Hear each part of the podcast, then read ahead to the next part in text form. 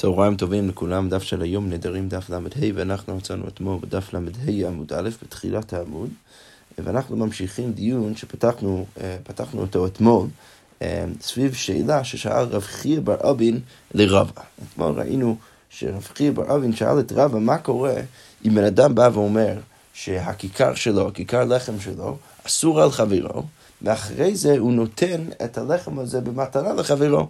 האם אנחנו מניחים שמשהו נדר לפני שתי דקות על, ה, על הכיכר לחם הזה, הוא עוד חל, למרות שהוא הביא את זה לאותו חבר במתנה, או האם אנחנו מניחים שכשהוא אסר את זה על חברו, הוא רצה לאסור את זה על חברו רק כשזה ברשותו, אבל ברגע שאני רואה שהוא נותן את זה אל החבר שלו במתנה, אז כבר אני יכול להניח שהדבר הזה הופך להיות מותר. עכשיו, רב ענה אתמול ואמר, פשיטא דאף על גב דיאבל לב במתנה אסור. זה פשוט, למרות שהוא מביא לו את זה במתנה, זה עדיין אסור, הרי הוא לקח אה, על עצמו נדר שהדבר הזה יהיה אסור לחברו, לא משנה מה, לא משנה אם זה ברשותו של בעל הכיכר המקורי, לא משנה אם הוא מביא את זה לחברו במתנה, בכל מקרה זה נשאר כאסור.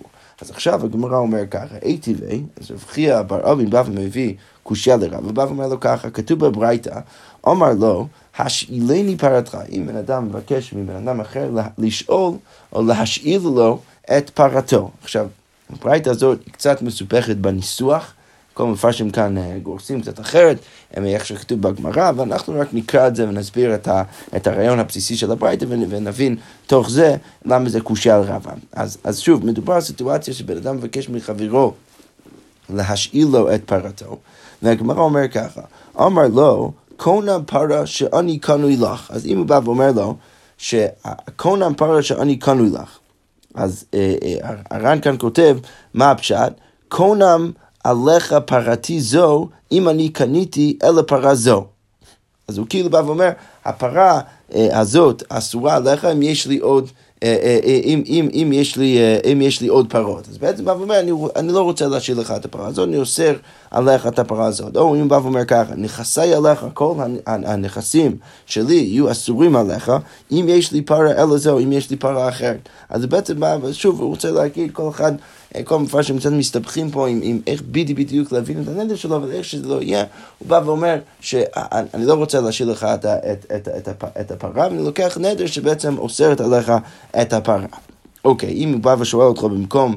אה, אה, אה, הוא שואל אותו במקום להשאיר לו פרה, הוא שואל אותו ככה, השאילני קרדומך, אני רוצה את הקרדום שלך.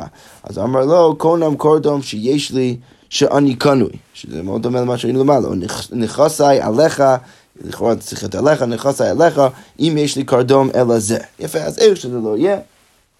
הוא בא ולוקח על עצמו את הנדרים האלו, והברייתא אומר, ונמצא שיש לו, אז ואז אנחנו ראינו בעצם שיש לו עוד פרה או עוד קורדום, אז איך שזה לא יהיה, אנחנו בעצם מניחים עכשיו שנדר חל, ולכן הפרה הזאת, או הקורדום הזה, אסור על חברו. עכשיו השאלה, מה צריך להיות הדין? מה, מה, האם באמת הדבר הזה הוא אסור על חברו או לא? אז, אז הברייתא אומרת, בחייב אסור, אז, אז אם בעל הפרה, בעל הקורדום עוד בחיים, אז הנדל שלו עוד חי, ולכן החפץ עוד אסור על חברו.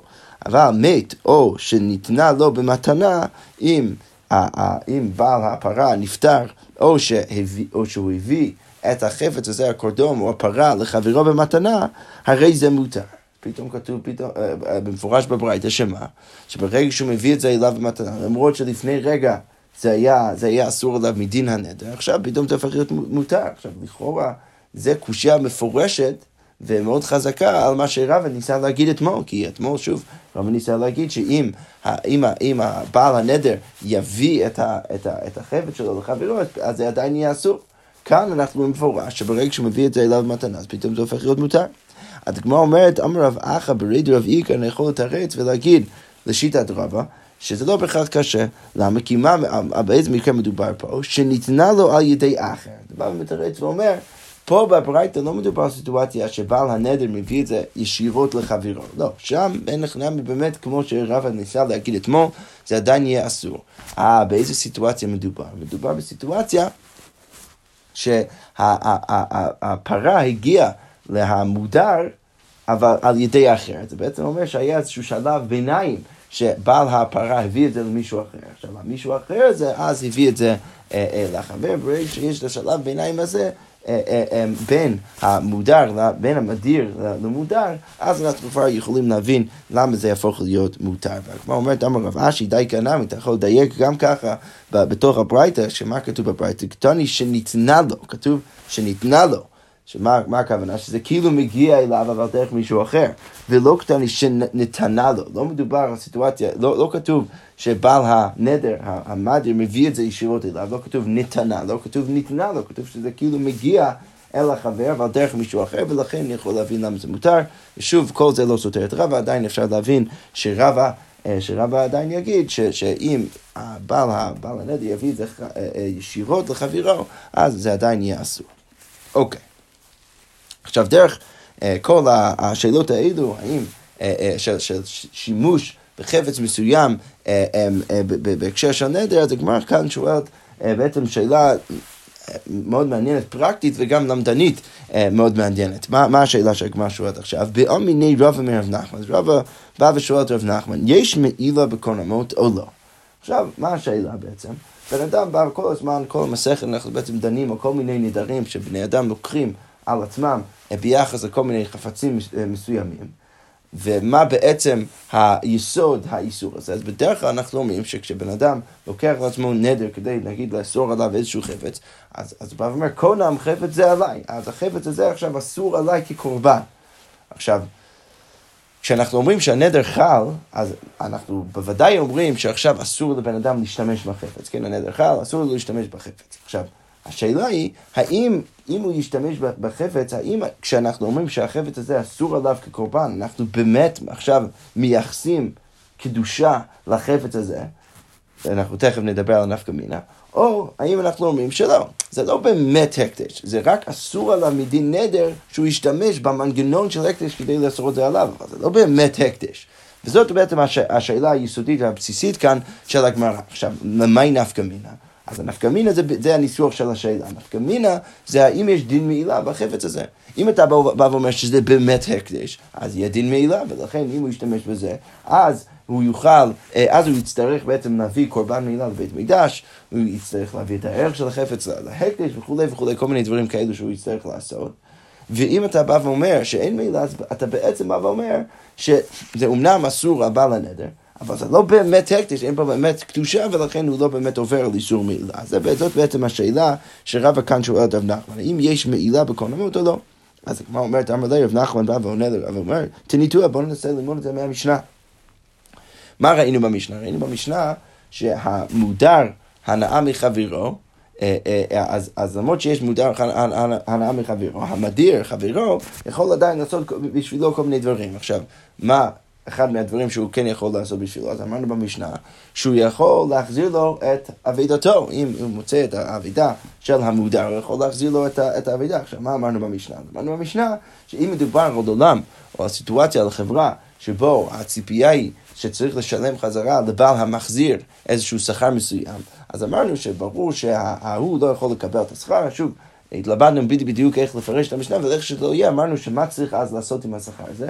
צריך שיפול להקדש, אז שיפול הנאה להקדש. אז רב נחמן בא ומנסה עכשיו להביא ראייה מהמשנה שלנו, שאולי יש באמת קדושה כאן בנדרים. אז, אז מה רב נחמן בא ואומר? אמר לי תניתוע, מקום שנותנים עליה שכר, תיפול הנאה להקדש, כך אמרנו. עכשיו, מה משמע מזה? לממרה כי הקדש, אז לכאורה משמע שכל הסיטואציה שמדובר עליו, כמו הקדש. מה הקדש? יש בו מעילה, כמו שיש מעילה בהקדש, אז אף קונמות יש בהן מעילה, אז לכאורה גם כן אצל קונמות יש פה מעילה, ולכן לכאורה משמע מהמשנה שיש פה באמת קדושה. הגמרא אבל אומרת, זה מאוד יפה שאתה מביא ראייה מהמשנה, שבאמת משמע משם. שיש בו הקדש, אבל עדיין אני יכול להגיד שבאמת השאלה הזאת תלויה במחלוקת תנאים. אז הגמרא אומר ככה, כתנאי באמת זה מחלוקת תנאים, כי כתוב ככה, קונם כיכר זו הקדש ואכלה. אז אם בן אדם בא ואומר, הכיכר הזה הוא אסור עליי כמו הקדש. עכשיו, אם הוא אוכל את זה, בין הוא, בין חברו, בין אם הוא אוכל את זה, בין אם החבר שלו מגיע וגם אוכל את זה, אז מה, שניהם, אה, בין, אה, כל אחד מהם שאכל את הדבר הזה, הוא בעצם עבר לאיסור מעילה. למה? כי אה, לפני רגע הוא לקח על עצמו נדר, ואסר את הכיכר הזה על כולם. כהקדש, ולכן כל אחד עכשיו שמגיע ואוכל את הדבר הזה, הוא מועל, הוא מועל בהקדש שיש בכיכר. לפיכך יש לה פדיון, ולכן אפשר בעצם להבין מתוך זה שלפני, אם אני מבין שאחרי שכל מי שיבוא ויאכל את זה, אז הוא יעבור על איסור מעילה, אז אני יכול להבין שגם מלכתחילה יש לו פדיון, שיש בו באמת הקדש בכיכר, שאפשר אז לפדות את הכיכר ולהעביר את הקדושה שלו אה, אה, למעות, לכסף, ואז לאכול את, ה, ואז לאכול את הדבר הזה. אוקיי, אבל אם במקרה קצת אחר הוא בא ואומר ככה, כיכר זו עליי להקדש, הוא רק עושה את זה לעצמו כהקדש, אבל לא אנשים אחרים, ואכלה, ואז מישהו בא ואכל את זה, הוא מעל, חבר לא מעל, אם הוא אכל את זה, אז הוא מעל, כי הרי זה אסור עליו כהקדש, אבל חבר שלו שמגיע מהשוק, בבד ואוכל את הכיכר, הוא לא מעל, כי עליו זה לא נחשב כהקדש. לפיכך, אין לה פדיון, אבל ולכן במקרה כזה אין, אין לזה באמת פדיון. למה? כי אין באמת הקדש על כולם. במובן הזה שאז אפשר באמת לבוא לפדות את החפץ הזה, אלא יש הקדש בחפץ הזה רק כלפי הנודר ולא כלפי מישהו אחר, ולכן אין לזה פדיון, שוב, לא, לא כזה קריטי לענייננו, אבל כל זה דבר רבי מאיר, ומה אנחנו בעצם רואים משנת רבי מאיר, שהוא בא ואומר שיש פה באמת קדושה בתוך הכיכר, שוב, תלוי בדיוק מה הנדר, ותלוי, אה, אה, אה, הדין יהיה תלוי בשוב ומה הנדר, מה הוא אומר, אבל בעצם אנחנו רואים שביסוד הסברה, רבי מאיר בא ואומר שיש באמת הקדש פה, ולכן מישהו יכול באמת לעבור על איסור מעילה. אבל חכמים אומרים בין כך ובין כך, לא מה, לא משנה מה, לא משנה מה הוא נותר, אין פה מעילה לפי שאין מעילה בכל המון הזה. הגמרא באמת אומרת, לכאורה משמע שבאמת יש פה מחלוקת תנאים סביב השאלה הזאת. הר"ן מאוד מעניין, כותב שלעניין הלוכה אנחנו פוסקים לא כמו חכמים שהבאנו עכשיו, אלא כמו רבי מאיר, ש, שדווקא יש קדושה, יש מעילה בכל המות, אה, וזו שאלה מאוד מעניינת, אה, אה, או, או זה בעצם איזושהי הכרעה מאוד מעניינת לגבי הבסיס הנדרים, אנחנו באמת אומרים שזה לא רק שאנחנו משתמשים במנגנון של ההקדש כדי לאסור כל מיני דברים דרך הנדרים, אלא שאנחנו באמת אומרים שיש פה באמת הקדש בחפצים האלה, ולכן יש פה באמת איסור מעילה. הר"ן כותב מאוד מעניין, אה, אם, אם אתה בא ואומר שיש אה, דין מעילה, ויש באמת הקדש בתוך החפצים האלו, מה אני יודע לגבי דין מעילה? אני יודע שכשבן אדם מועל בחפץ מסוים, משתמש בו, שהוא הקדש, אז הוא עובר לאיסור מעילה, אבל מה יוצא אז עם החפץ? החפץ יוצא לחולין. עכשיו, הוא לכאורה יכול להשתמש בחפץ כמו שבא לו, הוא צריך רק לשלם איזשהו קנס, ואת הערך של החפץ בבית המקדש, זה קורבן וכולי, אבל החפץ עכשיו יצא לחולין. אז הר"ן כאן בא ואומר שהוא מסתפק בדבר, האם צריך גם כן להשליך את הדין הזה וליישם את זה גם כן בנדרים.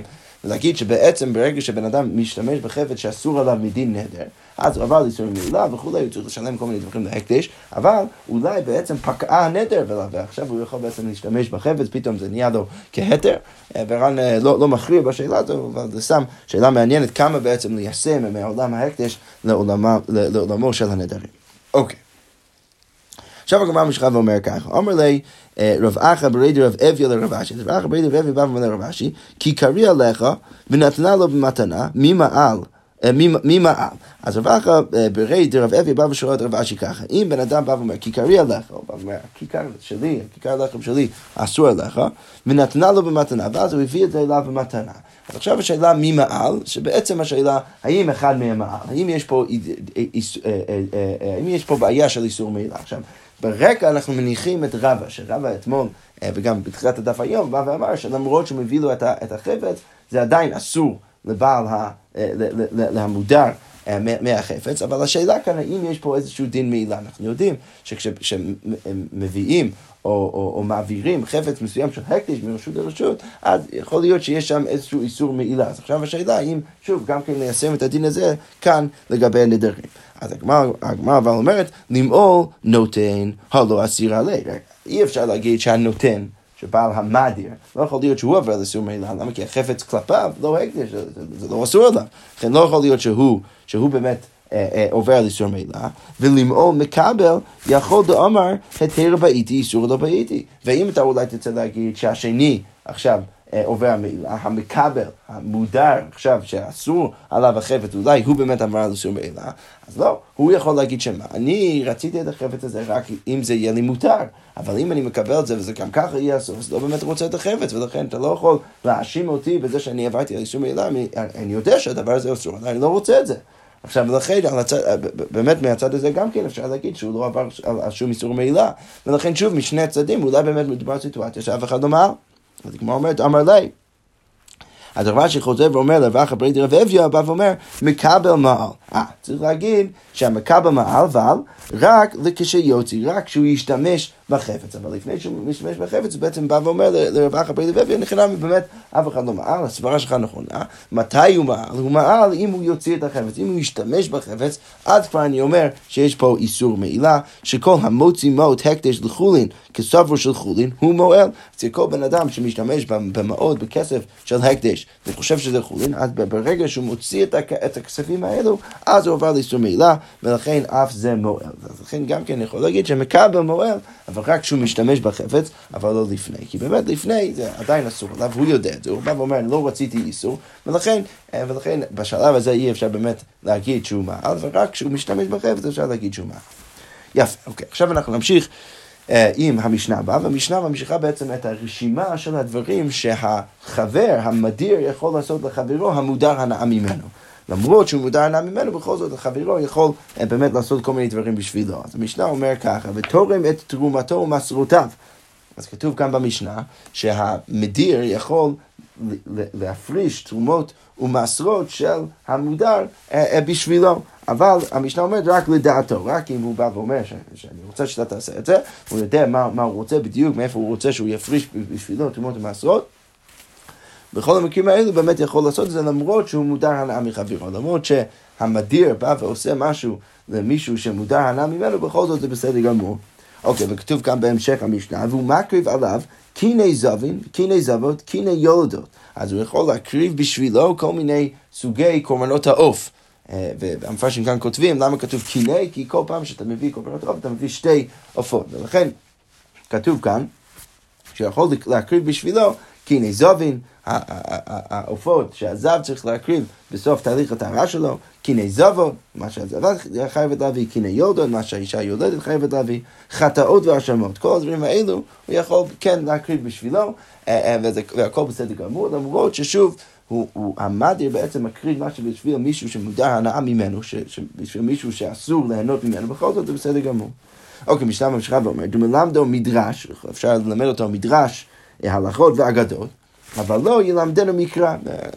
והר"ן כאן כותב שבגמרא אנחנו נפרש את הדבר הזה, למה, אה, מה בדיוק החילוק בין הדברים, אבל מלמד הוא את בניו ואת בנותיו מקרא. אז הוא לא יכול ללמד אותו מקרא, אבל את בניו ואת בנותיו הוא כן יכול ללמד מקרא.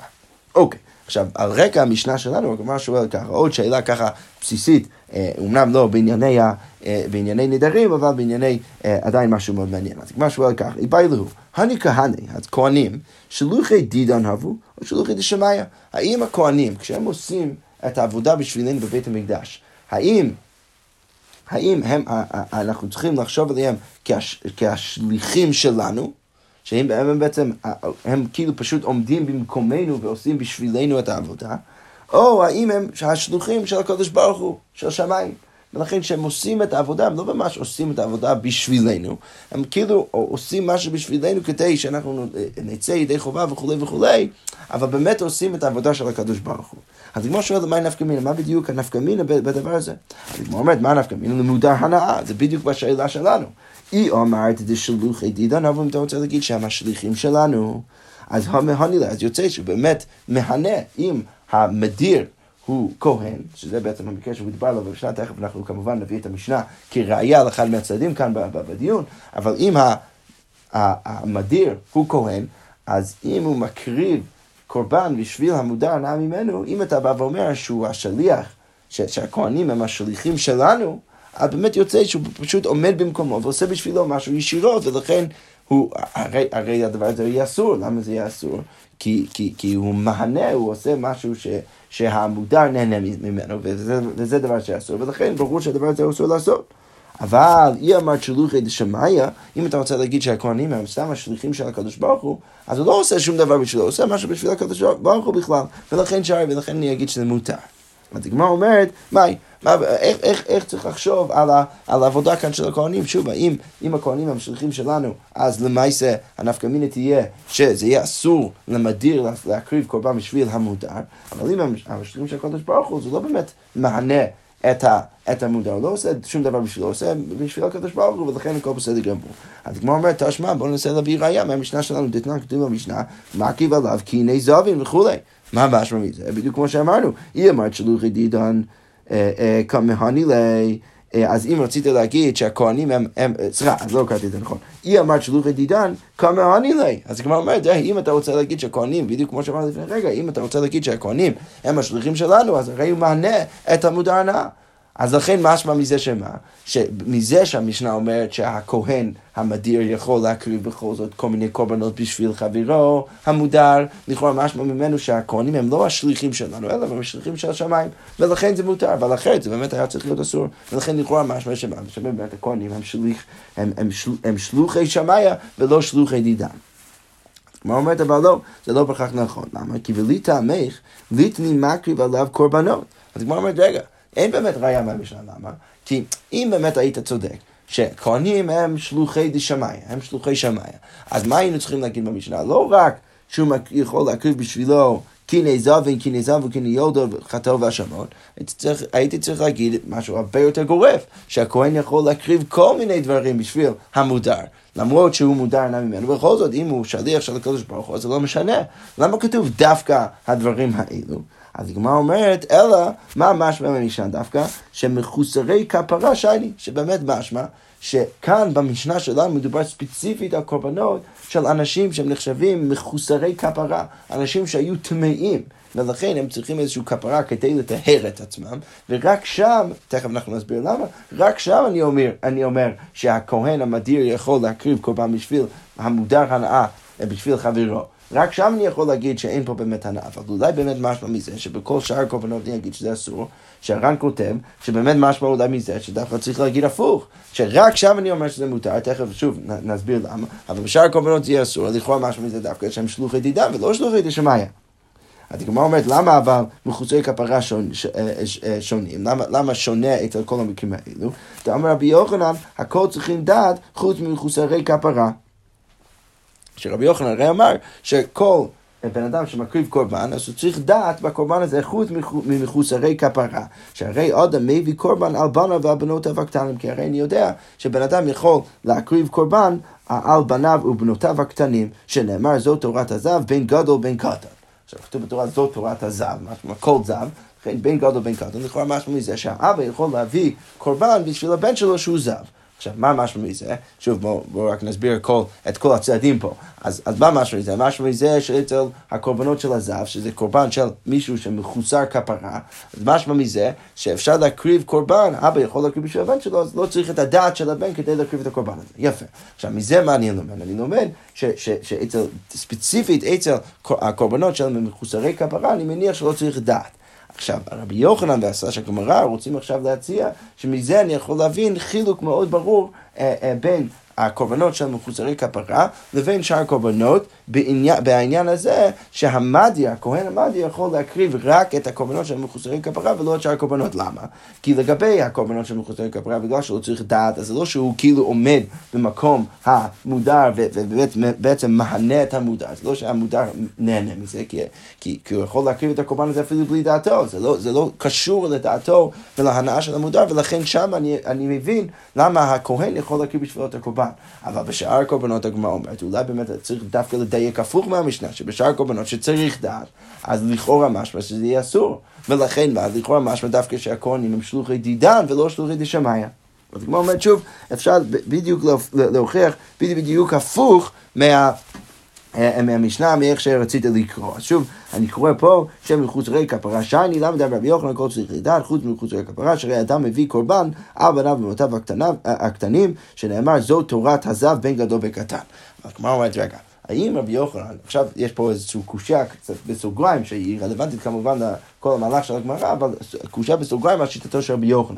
אז כמו אומרת, רבי יוחנן, איך, איך אתה רוצה לקרוא את הפסוקים? אתה רוצה להגיד שבגלל שכתוב בתורה זו תורת הזהב, בין גוד, זו תורת הזהב, אז אתה יכול לדרוש מזה מה? ש, ש, ש, שמדובר על סיטואציה שמביאים קורבן לזהב, לא משנה. מה הסטטוס של הזהב, בין גדול ובין קטן. לכן אתה רוצה בעצם לדרוש משם שיש חילוק לגבי הקורבנות של מוכסוי כפרה, שמאוד צריכים דעת. כמו אומרת, רגע, אלא מעטה לרבי יוחנן, לשיטתו של רבי יוחנן שככה הוא קורא את הפסוקים, אז איך הוא יקרא את הפסוק הבא? זו תורת היולדת. עכשיו, אז לכאורה אתה תרצה להגיד שמה? בין קטנה בין גדולה. שגם שם אפשר להקריב את הקורבנות של היולדת בין קטנה בין גדולה. אז הגמרא אומרת, רגע, אבל אז משמע מזה שהקטנה יכולה באמת להוליד ילד.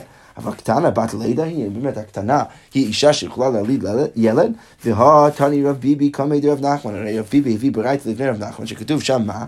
שלוש נשים משמש, משמשות במוח. יש שלוש נשים כשהן מקיימות יחסים עם בעליהן, אז הם צריכים, סלש, חייבים לקיים יחסים עם מוח, כדי שהזרע לא ייכנס לגוף שלה ולא יהיה סכנה שהיא תיכנס להיריון. מי הן שלושת הנשים האלו? קטנה, מעוברת ומניקה. ושם במסכת יבמון מסבירים למה אצל כל אחת ואחת מהם אני, אני מניח שאני לא רוצה שהאישה הזאת תיכנס להיריון, ולכן ולכן היא משמשת במוח. עכשיו, מה חשוב אבל רלוונטי לעניינו? רק, רק המקרה של הקטנה. מה כתוב שם? שהקטנה, למה היא משמשת במוח? שמא תדבר, כי אני לא רוצה שהיא תדבר, למה? ותמות, כי אז אם, אם היא תדבר, היא תמות. פה בווריאציה של גרסאות, ביבמות לכאורה משמע שצריך לגרוס כאן שמא תמות. בסדר, אבל איך שזה לא יהיה, מה אני מניח? אני מניח בפשטות שהקטנה לא יכולה להוליד. עכשיו, אם אני מניח שהקטנה לא יכולה להליד, אז יוצא שהדרך שרבי יוחנן קורא את הפסוקים לגבי הזב, יהיה בעייתי לקרוא את הפסוקים באותה צורה לגבי היולדת, כי אז אתה תצטרך להגיד שמדובר בקטנ... בתורה על, על תורת היולדת, שזה בין קטנה בין גדולה, ואתה תצטרך להניח שהקטנה יכולה להליד, אבל כנראה שממש באמת מהברייתא שתתנו עכשיו, שה... שהקטנה לא יכולה להוליד. אז הגמרא אומרת, כאשר רבי יוחנן, אז הגמרא אומרת לא. רבי יוחנן אמנם קורא את הפסוק של זב כמו שפירשנו למעלה, אבל הוא יקרא את הפסוק של היולדת בצורה קצת אחרת. ההיא, הפסוק שם, שכתוב שם, זו תורת היולדת, זה, משם אני לומד משהו אחר. זו תורת היולדת, בין פי ככה בין שותה. שם זה לא בא ללמד אותי שאפשר להביא קורבן, קורבן של היולדת, בין, בין אה, הגדולה בין הקטנה, כי נכנע באמת הקטנה לא יכולה להליד, אלא שמה? אפשר להביא קורבן של היולדת בין אם האישה הזאת פיקחת והיא יודעת שאתה מקריב בשבילה קורבן, בין אם היא שותה בין, אם היא לא מבינה כלום. מאיפה אנחנו לומדים את זה? שכן אדם מביא קורבן על אשתו שותה, כדברי רבי יהודה. כי הרי אנחנו יודעים שבן אדם יכול להקריב קורבן בשביל אשתו שותה, למרות שהיא לא מבינה שום דבר ממה שקורה. ברגע שמדובר על הקורבנות של היולדת, של מחוסרי כפרה, אז בן אדם יכול להקריב קורבן בשביל אשתו. מאיפה אנחנו יודעים את זה? דני כתוב בברית, רבי יהודה אומר, אדם מביא קורבן עושר לאשתו. בן אדם יכול להביא קורבן עשיר על אשתו. עכשיו, מה, מה לכאורה הוומינה האחרת שלא היינו אומרים את זה? הוומינה היא שברגע שאישה נשואה לבעלה, אז אין לה שום כסף משל עצמה, כל הכסף עובר לבעלה, ולכן מה? היא באמת נחשבת כענייה, ולכן אם מדובר על, על קורבן כמו קורבן עולה ויורד, שיש בו כל מיני אפשרויות כלכליות שאפשר להביא, אפשר להכיר בדבר הכי יקר, שזה בעצם בהמה, או הדבר האמצעי, שזה בעצם עופות, או הדבר הכי, של הכי עניים, שזה קורבן מנחה במקום אפילו עופות, אז, אז למרות שהיית אולי יכול לחשוב את זה לגבי האישה, כאן רבי יהודה בא ואומר, לא, דווקא האדם, הבעלה חייב להביא בשבילה קורבן כמו עשיר, אם יש לו את הכסף, אז צריך לעשות את זה, למרות שזה לא הכסף של האישה. בכל זאת, אדם, אפשר להגיד אשתו כגופו, במובן מסוים שבאמת הבעלה חייב עכשיו להביא, להקריב קורבן אה, של העשיר ולא, ולא של העני בשביל אשתו. אוקיי, וכל קורבנות שחייבת אה, סליחה, לא קראתי את זה נכון, רבי יהודה אומר, אדם מביא קורבן אשר על אשתו וכל קורבנות שחייבת. שכך כותב לה, כי מה הוא כותב לה מלכתחילה כשהם מתחתנים? הוא כותב לה באחריות דאית לך עליי מן קדמת דינה. הוא בא וכותב לה מהרגע שאנחנו מתחתנים, כל האחריות הכלכליות שיש עלייך, אז הם עליי. ולכן ברגע שהיא חייבת להקריב קורבן, אז הוא חייב להקריב בשביל הקורבן, ואי אפשר להגיד שהיא בעצם ענייה, ולכן אפשר להקריב את הדבר הכי עני. לא, אם יש לו מספיק כסף, אז הוא חייב להקריב בשביל אשתו, אפילו את הדבר יקר. מה משמע מזה? משמע מזה שבן אדם יכול להיכנס במקום אשתו כדי להקריב בשביל הקורבן, ולכן יכול אולי להבין מזה ש, ש, שגם אה, אה, אה, הגבר, אם הוא נשוי לאישה שותה, אז, אז, אז, אז גם שם הוא יצטרך להביא בשבילה את הקורבן, וזה בעצם מסביר שרבי יוחנן קורא את הפסוק של היולדת, והוא לא יצטרך להגיד שהיולדת מדבר על אישה קטנה. בסדר, כל זה אבל רק לברר את שיטתו של רבי יוחנן, אבל עדיין, עדיין אנחנו עומדים בשאלה האם אפשר להוכיח ממקום מסוים האם הכהנים הם שלוחי דידן או שלוחי דשמיא. אז עכשיו הגמרא תנסה להביא עוד ראייה ממקור אחר. מוטיב רב שימי בר אבא, אז רב שימי בר אבא בא ומנסה להביא ראייה מהברייתא הבאה. כתוב בברייתא, אם היה הכהן, אם המדיר, הנאה, אה, אה, אז בעצם אוסר על חברו מלרוב ממנו, אם המדיר היה כהן, בדיוק כמו המשנה שלנו, יזרוק עליו דם חטאתו ודם אשמו. אז לכאורה משהו משם שהוא יכול להקריב בשבילו את החטאת והאשם שלו. עכשיו, אני עוצר רגע ורק מסביר, לכאורה לפי מה שאנחנו כבר תירצנו בל"ה עמוד ב', לכאורה משמע שאין פה קושייה. למה? כי, כי כמו שתירצנו שמה, שמדובר ספציפית על מחוסרי כפרה, אז אפשר להגיד בדיוק אותו דבר גם כאן. אפשר להגיד שאומנם מדובר על חטאת ואשם, אבל אפשר להגיד שזה חטאת ואשם ספציפית של, של מצורע.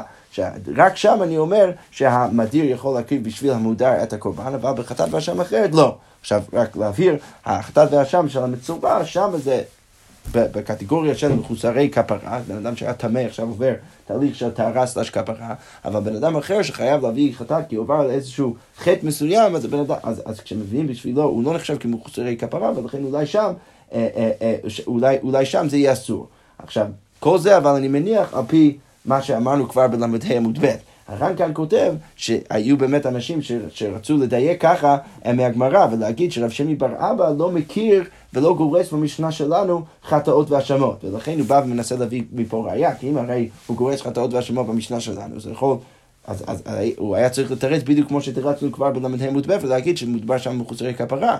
זה שהוא בכל זאת מנס, מנסה להביא קושייה סלש ראייה מהברייתא הזאת, לכאורה משהו מזה שמה? שאנחנו באמת אומרים אה, אה, לכאורה משמע מזה שהוא לא גורס ככה בל"ה עמוד ב', אלא שהוא חושב שזה מקרה חדש, ולכן הוא מביא את זה. הר"ן אומנם דוחה את, את הדיוק הזה, אבל זה סתם הערה מעניינת מה היחס של רב שימי בר אבא למה שקרה כבר בל"ה עמוד ב'. אבל איך שזה לא יהיה, הוא מנסה להביא ראייה ולהגיד פה שלכאורה משמע שהמאדי יכול להקריב קורבן בשביל בשביל המודר, לכן לכאורה משמע שוב שהכהנים הם שלוחי דשמיא ולא שלוחי דידן. אבל הוא אומר לא, זה לא כזה ראייה, למה? כי אפשר להגיד שמדובר על דם חטאתו של מצורע ודם אשמו של מצורע, אפשר לתרץ בדיוק כמו שציפינו לתרץ בל"ה מ"ב, אפשר לתרץ גם ככה פה, תכתיב זאת תהיה תורת המצורע בין גדול ובין קטן, שמשמע מזה באמת שהקורבנות דווקא של המצורע אפשר להקריב בשביל המודר, כי לא צריך דעת, כמו שאמרנו בל"ה עמוד אבל אולי באמת צריך לדייק מזה שבכל שאר המקומות, בכל שאר הקורבנות, באמת זה יהיה אסור, כי שם צריך דעת, ולכן אם צריך דעת, אז באמת המדיר לא יוכל להרכיב קורבן בשביל המודר. ולכן, לשאלתנו, אולי משמע מזה שדווקא צריך להגיד הפוך, שהכהנים הם שלוחי דידם ולא שלוחי דשמיא. אוקיי, אז הגמרא עכשיו אבל ממשיכה ואומרת, תנן, כתוב אה, אה, אה, במשנה, הכהנים שפיגלו, סליחה, הכהנים שפיגלו במקדש, מזידין, חייבים. השוגים פטורין, אלה שפיגלו להם פיגול. אז הגמרא כותבת ככה, כתוב במשנה, שכהנים שפיגלו במקדש, מה הכוונה פיגלו? הם בעצם, היה, הייתה להם איזושהי מחשבה זרה, מחשבה לא נכונה לקורבן, הם חשבו להקריב קורבן של מישהו אחר לאחר זמנו, לאכול את זה לאחר זמנו משהו כזה. עכשיו, אנחנו בעצם אומרים שהקורבן הופך להיות סטטוס של פיגול, שצריך לסוב את זה, את כל מיני דברים צריך לעשות עם הקורבן הזה, אבל איך שזה לא יהיה, כמובן שכבר אי אפשר להקריב את זה בתור קורבן רגיל, בעל הקורבן לא יוצא ידי חירותו וכולי וכולי. עכשיו, אם כתוב כאן שאם הכהנים פיגלו במקדש, אם הם עשו את זה במזיד, אז הם חייבים, הם חייבים לשלם כסף חזרה לבעל הקורבן וכל מיני דברים, אה, אה, כל מיני איסורים שהם עברו עליו, אז הם חייבים באיסורים האלו. עכשיו, מה אבל משהו מזה? שהשוגגים פטורים. המשהו מזה שאם הם עשו את זה בשוגג, אז הם יהיו פטורים. אבל הם, הם, הם היו פטורים, אבל מה? אלה שפיגו להם פיגו. מה באמת משמע משם? אם אתה בא ואומר שמזידים חייבים, לכאורה משמע שהחילוק היחיד בין מזיד לשוגג זה שהם יהיו פטורים. אבל זה לא אומר שזה לא פיגול. לכאורה משמע שאפילו אם הם, הם פיגלו בשוגג, אז הקורבן עדיין הופך להיות פיגול, אלא שהם פטורים אה, מאיזשהו תשלום או מאיזושהי אווירה שהם, שהם, שהם לא באמת עברו עליו, כי הם עשו את זה בשוגג. אבל בכל זאת, הקורבן פיגול. עכשיו, למה זה רלוונטי לעניינו? אז כלומר אומר ככה, אם הרבה שלוחי דשמיא יהבו, אם אתה רוצה להגיד שהכהנים הם השליחים של הקדוש ברוך הוא, אז אני מבין, היינו שפיגולם פיגול, אני יכול להבין למה הקורבן בכל זאת הופך להיות פיגול, כי הם, הם עשו משהו לא נכון כלפי שמיא, הם השליחים של הקדוש ברוך הוא. עשו משהו לא נכון, ולכן הקורבן הופך להיות פיגול למרות שהם שוגגים. אבל, אלא, היא אומרת שלוחי דידן אהבו, אם אתה רוצה להגיד שהם השליחים שלנו, אז מה פיגול על פיגול? למה אפשר להגיד שמה שהם פיגלו את הקורבן זה הופך להיות פיגול? למלא, הרי בעל הקורבן יכול להגיד לכהן, שליחה שבתיך, אני רציתי שאתה תהיה השליח שלי לתקוני ולא לעבוד, לא, לא רציתי שאתה תעוות את הקורבן שלי ותהפוך זה להיות פיגול. לכן, ואני רציתי, רציתי שתעשה בשבילי טובה, שאתה תתקן את הקורבן שלי, אתה תקריב את הקורבן שלי, ולא שתעוות את הקורבן שלי, ולכן מה? מה משמע מזה? ולכן, לכאורה, אם היינו אומרים שהכהנים הם השליחים שלנו, אז לכאורה בעל הקורבן היה תמיד יוכל, יכול לטעון את זה נגד הכהן ולהגיד ש, שלא רציתי שאתה תעוות את הקורבן שלי, ולכן למה, לא, לא מובן למה אנחנו בכל זאת אומרים שהפיגול של הכהנים הופך להיות פיגול, לכאורה משמע שצריך להבין את זה רק דרך הפריזמה שהכהנים הם השליחים של הקדוש ברוך הוא, לא, לא השליחים שלנו. אז כמו אומרת, לא, זה לא בהכרח נכון, זה לא בהכרח ראייה. למה? כי מה אפשר להגיד? אמרי, שייני גבי פיגול, אפשר להגיד ששונה ענייני הפיגול, דאמר קרא, לא ייחשב לו מכל מקום. כתוב בתורה לגבי הפיגול, ואם האכול יאכל בבשר זבח של עמיו ביום השלישי לא ירצה, מקריב אותו, לא ייחשב לו, פיגול יהיה, וכולי. עכשיו, מה כתוב בתורה? כתוב לא ייחשב לו. עכשיו, מזה שכתוב לא ייחשב לו, אני יכול לדייק מכל מקום. שזה בעצם ככה מרחיב את ענייני הפיגול, שתמיד, אם יש איזושהי מחשבה זרה, תוך תהליך הבאת או הקרבת הקורבן, אז זה הופך להיות פיגו. עכשיו, לכן מה אני אומר? אני אומר לחינמי, באמת בדרך כלל בן אדם, אם בן אדם הוא שליח בשביל מישהו אחר, אז השולח יכול לטעון נגדו, הרי אני רציתי שאתה תתקן בשבילי את הדבר, ולא תעוות בשבילי את הדבר, ולכן בתיאוריה לא היה באמת מובן, אם באמת הכהנים המשליחים שלנו, לא באמת היה מובן עד הסוף, למה באמת הקורבן הופך להיות פיגו. אבל עכשיו שאני דורש את הפסוק, אני בא ואומר, ש... ואני מרחיב את המושג הזה של פיגו, אני בא ואומר שיש הרבה הרבה אה, סיטואציות והקשרים שבהם הקורבן באמת יכול להיות, יכול להיות פיגו, אני יכול להגיד ששייני פיגו. באמת, אם לחינם לפי הסברה הישרה, הייתי צריך להגיד שזה לא פיגו. אבל פיגו, זה, יש בו איזשהו דין מסוים. בדין מיוחד, ולכן זה הופך להיות פיגור למרות שהם השליחים שלנו, ולכן הגמרא אומרת אין בהכרח ראייה מהמקרה שרצית להגיד, ושוב אפשר להגיד אפילו לפי הצד שבא ואומר שהקונים הם השליחים שלנו, עדיין אפשר להגיד למה הקורבן הופך להיות פיגור, ולכן באמת אה, אה, עד סוף הסוגיה אנחנו לא באמת עונים על השאלה עד הסוף, האם הכהנים הם השליחים שלנו או השליחים של שמיים. שכוייח.